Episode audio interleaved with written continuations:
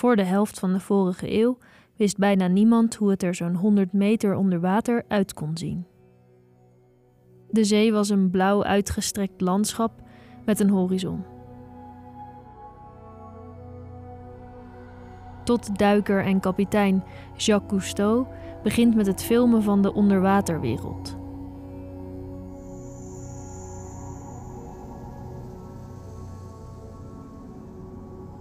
The thing that obsesses me is um, the miracle of life.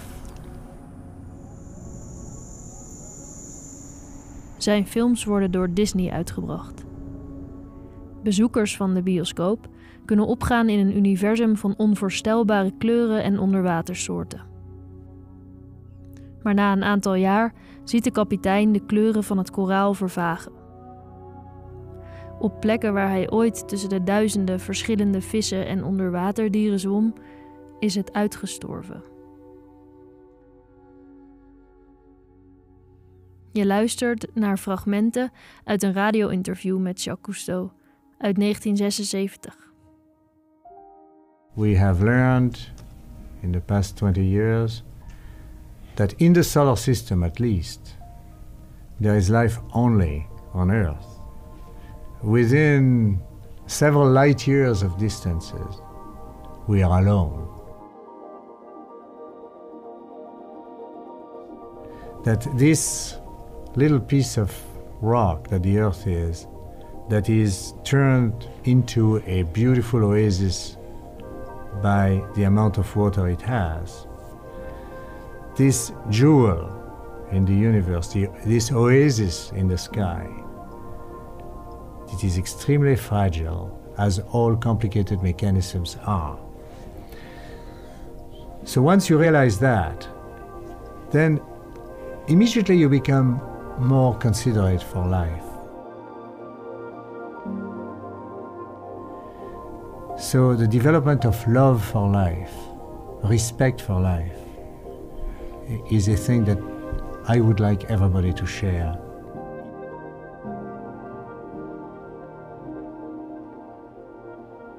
Hij probeerde zijn publiek te waarschuwen voor de opwarming van de aarde door in beeld te brengen wat daarvan het effect kon zijn. En dan wil Disney zijn films niet meer uitbrengen. Geconfronteerd met de kwetsbaarheid van de aarde kon hij dat verhaal niet vertellen.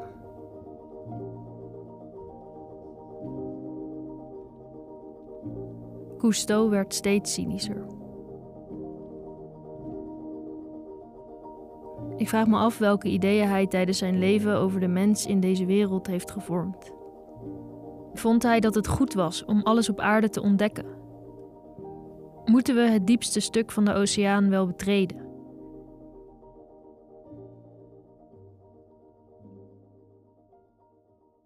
Iemand die net als Cousteau de noodklok luidde, was Hans de Kroon, hoogleraar in de ecologie.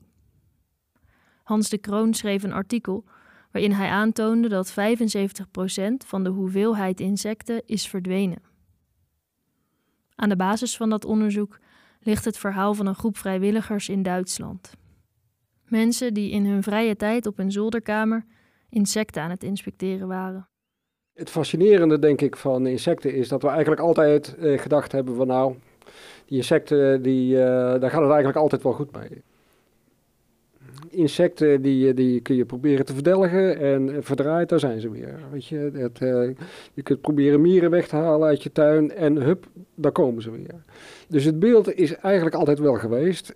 Ja, die insecten die, ja, nou ja, die kunnen eigenlijk alles wel hebben. En inderdaad, ze hebben een enorme veerkracht. Het is een enorme rijkdom aan insecten. maar ze staan echt enorm onder druk. Wie had gedacht dat insecten ook uh, ten onder zouden gaan in uh, alle veranderingen die op dit moment optreden. En uh, ja, daar lijkt het haast wel op.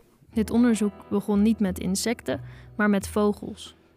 Een jaar of tien geleden ehm, bleek dat insectenetende vogels dat die met name achteruit gingen in gebieden waar veel van hele specifieke landbouwgiffen worden gebruikt namelijk de groep van de neonicotinoïdes. Dat is eh, een hele moderne en nieuwe vorm van landbouwgif. En onze conclusie was uit dat onderzoek, dus zeg maar de hypothese, want dat wees echt in die richting, dat deze insectenetende vogels, nou ja, niet vergiftigd werden waarschijnlijk, maar een gebrek aan voedsel hadden. Te weinig insecten. Maar daar zijn geen gegevens over. Want ja, juist dat voedsel wat zij eten, al die vliegjes en mugjes en zo, ja, daar, daar kijkt niemand eigenlijk in zijn geheel naar. En je ziet natuurlijk van oorsprong dat mensen meer aangetrokken zijn tot die, natuurlijk de prachtige vlinders en libellen. En, en, en, uh, Waarom wordt er dan geen onderzoek gedaan naar die andere beestjes? Uh, er wordt wel veel onderzoek aan insecten gedaan, zoals vlinders en libellen en zweefvliegen en andere mooie beesten, maar niet naar die hele grote groep. Dus we dachten, nou, dat blijft bij een veronderstelling. Toen kwamen we in contact met een groep in Duitsland, een vereniging van uh, insectenkundigen. Het is een, een, groep van voornamelijk amateurs die uh, langjarige gegevens had over, ja, inderdaad, precies die hele grote groep van insecten. En zij hebben een heel systematisch programma opgezet. Ze zijn daar in de jaren tachtig mee begonnen. Uh, niet met het idee van nou verdwijnen die insecten allemaal. Nee, om te kijken, oké, welke insecten hebben we nou precies? Niet alleen wat betreft de, al die verschillende soorten, maar ook wat betreft hoeveelheden. Weet je ook wat de reden was dat zij zo enthousiast waren over insecten? Er zijn mensen die vreselijk enthousiast zijn over postzegels, locomotieven, uh, vogels. En er zijn mensen die bijna elke avond achter hun microscoop op een zolderkamertje uh, insectjes aan het uitpluizen zijn van verrek, oh welke, oh dat is die, die soort. Zij zeiden ja, jullie, je veronderstelling is correct, uh, want wij zien dat de insecten verdwijnen en we hebben goede gegevens en helpen ons die gegevens op een goede manier uh, te analyseren en naar buiten te brengen, want we zijn buitengewoon bezorgd. Um, en hoe is dit onderzoek uitgevoerd? Ze hebben een zogenaamde malaiseval daarvoor gebruikt. En een malaiseval is een soort tentje. En insecten die dwarrelen eh, tegen dat tentje aan, tegen die wand, en die gaan naar boven toe. En helemaal aan de bovenkant, in, in een soort trechter, zit een pot met alcohol. Uh, als ze erboven komen, worden ze bedwelmd door alcohol en ze komen uiteindelijk in die pot terecht. Wat zij vingen op, op diezelfde gestandardiseerde manier, dat werd minder en minder. En toen ze dus, nou ja, uh, zo'n zo'n kleine 30 jaar aan gegevens hadden, ja, toen zijn ze bij ons in contact gekomen van, nou ja, ze hebben eigenlijk die gegevens op tafel gelegd van, maak daar nou eens een gedegen wetenschappelijke analyse van. Wat is hier aan de hand? Zou je het nog een keer ook kunnen vertellen wat de mensen zich dan moeten realiseren als, als de insecten echt verdwijnen? Nou, insecten um, zijn dus niet weg te denken in, ons, uh, in, in, in onze ecosystemen. Heel veel van onze gewassen zijn afhankelijk van bestuiving door insecten, met name door wilde insecten. Honingbijen doen hun uiterste best, maar zijn lang niet zo effectief. Dat is één. Twee, insecten worden gegeten. Ze zijn heel belangrijk voor reptielen, amfibieën met name natuurlijk vogels. Dus ze hebben een cruciale schakel in de hele voedselketen. Dat is twee.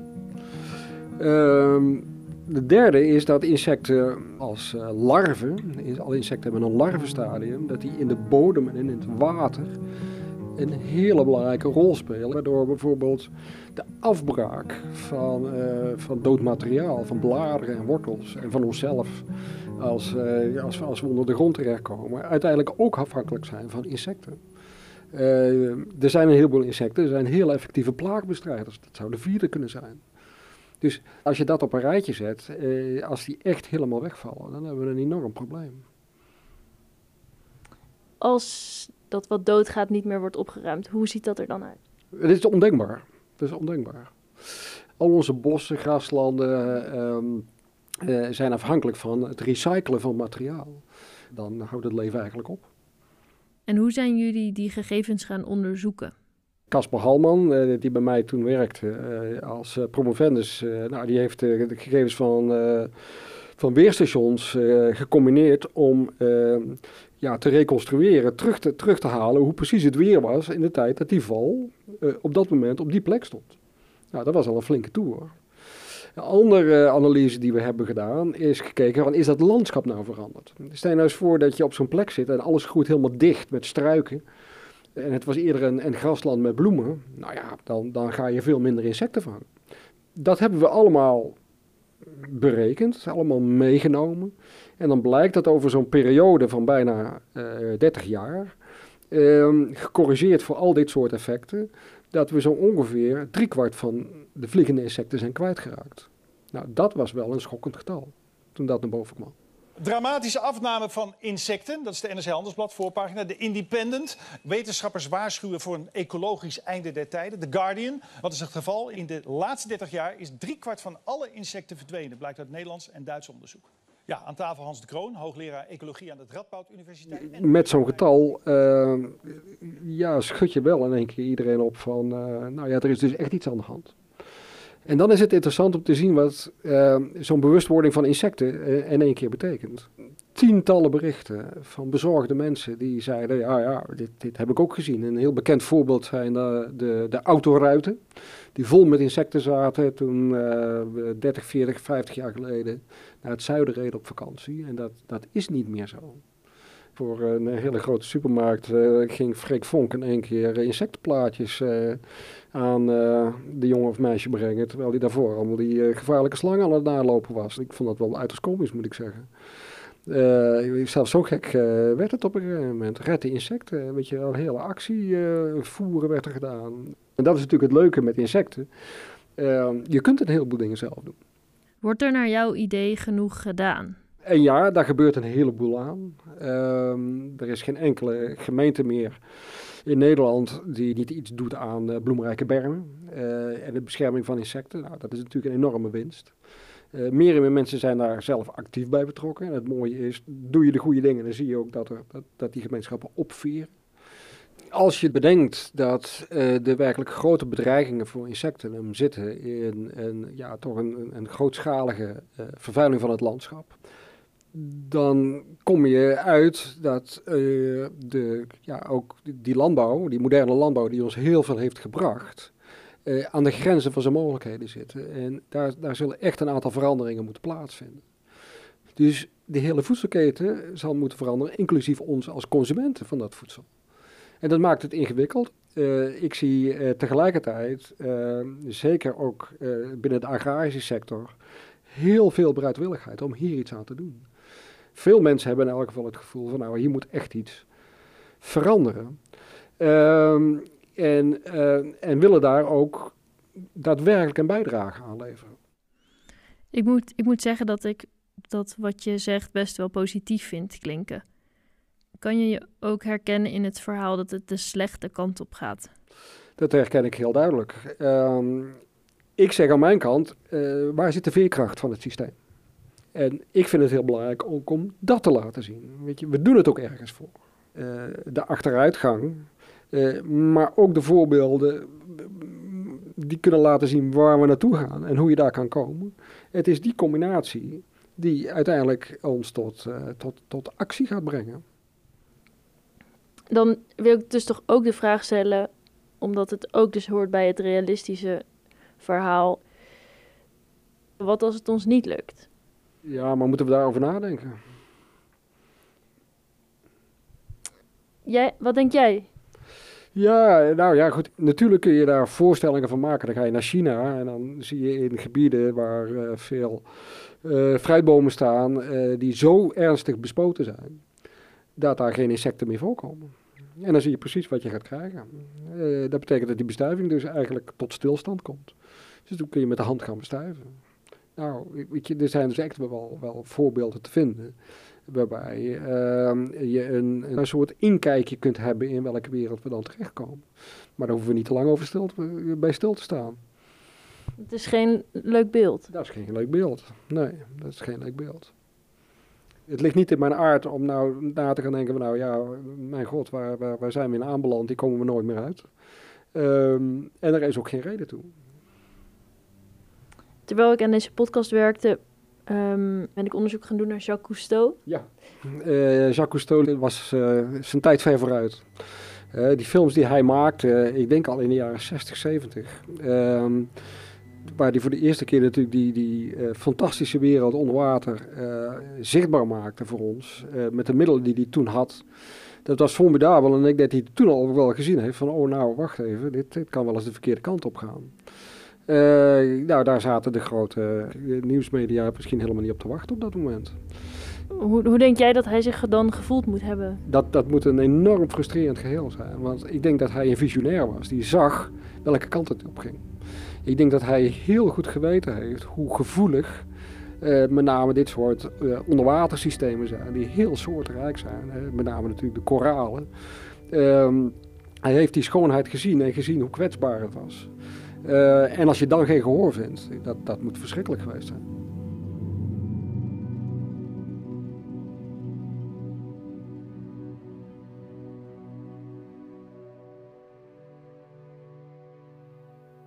Ik ben weer in Almere. Ik zit in een kring samen met theatergezelschap Gouden Haas. Deze keer luisteren we naar Chautileo Tranamil. Ze geeft een lezing. Ik kom eh, uit Chili. Ik ben geboren uh, in de hele hoge bergen van, van, ja, uit de Andesgebergte. Er wordt muziek gemaakt door Max, een vriend van haar. Chautileo vertelt over de inheemse bevolking waar zij zelf van afstamt de Mapuche. Mapo betekent aarde en Che betekent mens. De inheemse Mapuche-bevolking leefde samen met de natuur. Die manier van leven is eeuwenoud en verweven met de taal die door de bevolking gesproken werd en op sommige plekken nog steeds wordt. De filosofie zit hem vooral ook in hoe je uh, jezelf positioneert in het geheel. Dus wie ben ik in het geheel? En daar komt een taal uit. En het eerste wat een Mapuche ook zou zeggen is dat de taal niet van hun is. Het is niet een bezit. Hmm. Wij willen met taal, meteen taal bezitten. Het Latijnse woord, nou dat is van mij bezit. Maar zij zeggen nee, de taal is juist geleend. En het is om ervoor te zorgen dat wij de natuur beter begrijpen door hun te nabootsen. Soms doet de vertaling niet eens recht aan, aan het concept. Nguyen uh, is life force. En het vuur wat brandt, daar zit een kracht in, levenskracht. Dat is iets wat letterlijk leeft. En als we ziek zijn, dan is het van ja, mijn Nguyen is wat minder. Ik voel me gewoon niet zo helemaal lekker. Um, Nguyen is ook iets wat voelbaar is in, in de natuur om je heen. Als je echt door het bos loopt, heel veel mensen zeggen ja, ik loop alleen door het bos. Maar dan voel je niet de energie van de bomen. Dan, dan, dan sta je niet open voor dat je eigenlijk gewoon omringd ben door Nguyen. De taal is verbonden met een filosofie, de kosmovisie. Zie jezelf als een spinnetje en je loopt in het spinnenweb en alles wat je aanraakt is verbonden met wie jij bent. Jij bent onderdeel van. Wij, vanuit het eurocentrisch beeld, vanuit de verlichting, denken we dat we in één wereld leven. Eigenlijk geloven zij erin dat dus de spirituele wereld één wereld is. Je hebt de wereld van de mensen, wij hebben voorouders. Je hebt de wereld van de dieren, de dieren hebben ook voorouders. En je hebt de wereld van, van de planten, de, natuurlijke elementen. En zelfs de natuurlijke elementen hebben allemaal voorouders. Dus binnen het geheel van, van alle voorouders heb jij een plek in een gemeenschap. En dat allemaal tezamen zorgt ervoor dat de wereld in balans is. 80% van de wereldbiodiversiteit wordt beschermd door inheemse volkeren. Maar ze zijn nog maar met 5% over. En dat betekent ook dat als de taal verdwijnt, verdwijnt de filosofie. Dan verdwijnt eigenlijk de kennis. Dan verdwijnt de wijsheid. Kan de mens dat wat hij leert kennen eigenlijk wel met rust laten? Ze kwamen aan met die boten en er woonden mensen. En er werden kerken gebouwd op, op heilige sacred places waar heel veel ceremonies werden gedaan. Dat leidde natuurlijk toe dat de hele kosmovisie en inheemse filosofieën, die natuurlijk vooral onaangetast waren voordat die boten kwamen, ja, er is zoveel kennis verloren. Maar dat is ook ons verlies, dat is ook jouw verlies. Want de, er had zoveel kunnen zijn.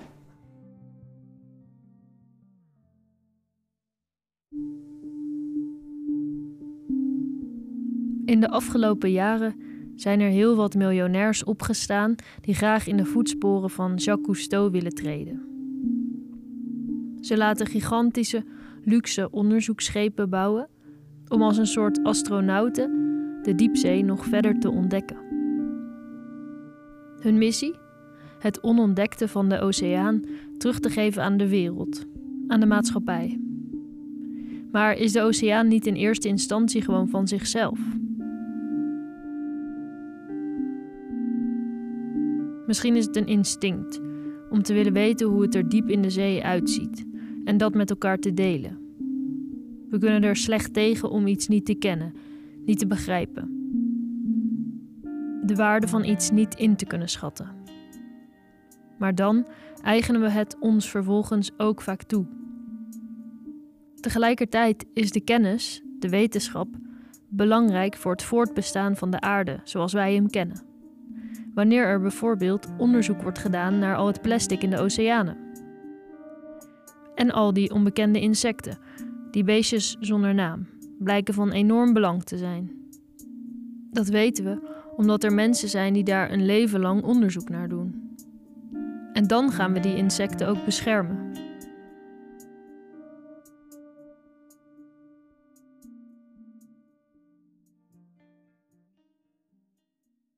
In het radio-interview met Cousteau wordt ook een tekst voorgelezen door Joanne McIntyre. Ze was een antropoloog die zich als een van de eerste activisten inzette om walvissen te beschermen. Ze schreef over hoe de mens omgaat met wat er verborgen ligt.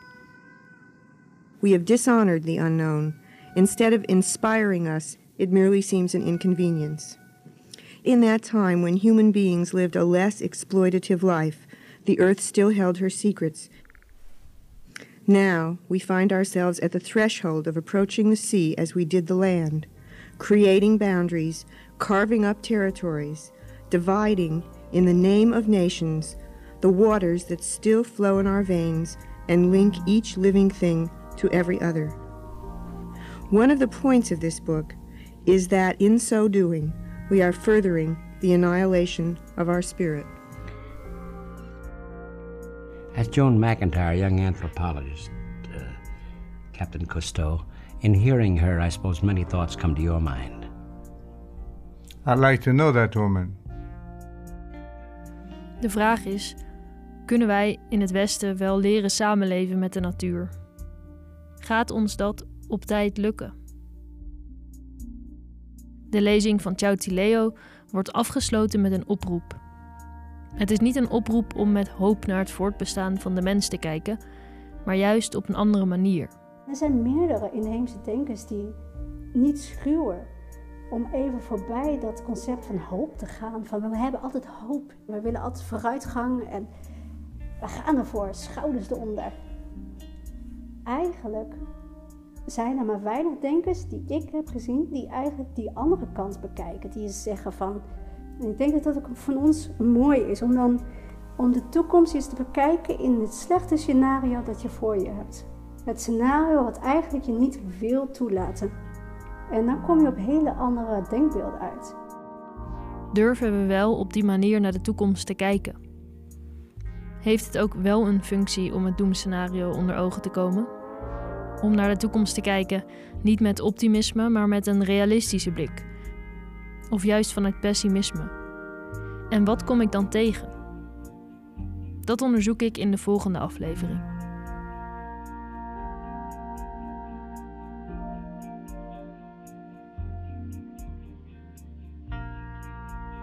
Deze podcast is een productie van Gouden Haas en wordt gemaakt door mij, Femke Bosma.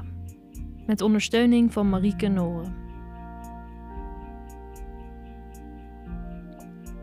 Het theaterproject waar Gouden Haas mee bezig is, heet Herinner ons en is te bekijken op Festival Caravaan, Oerol en in de Groene Kathedraal in Almere.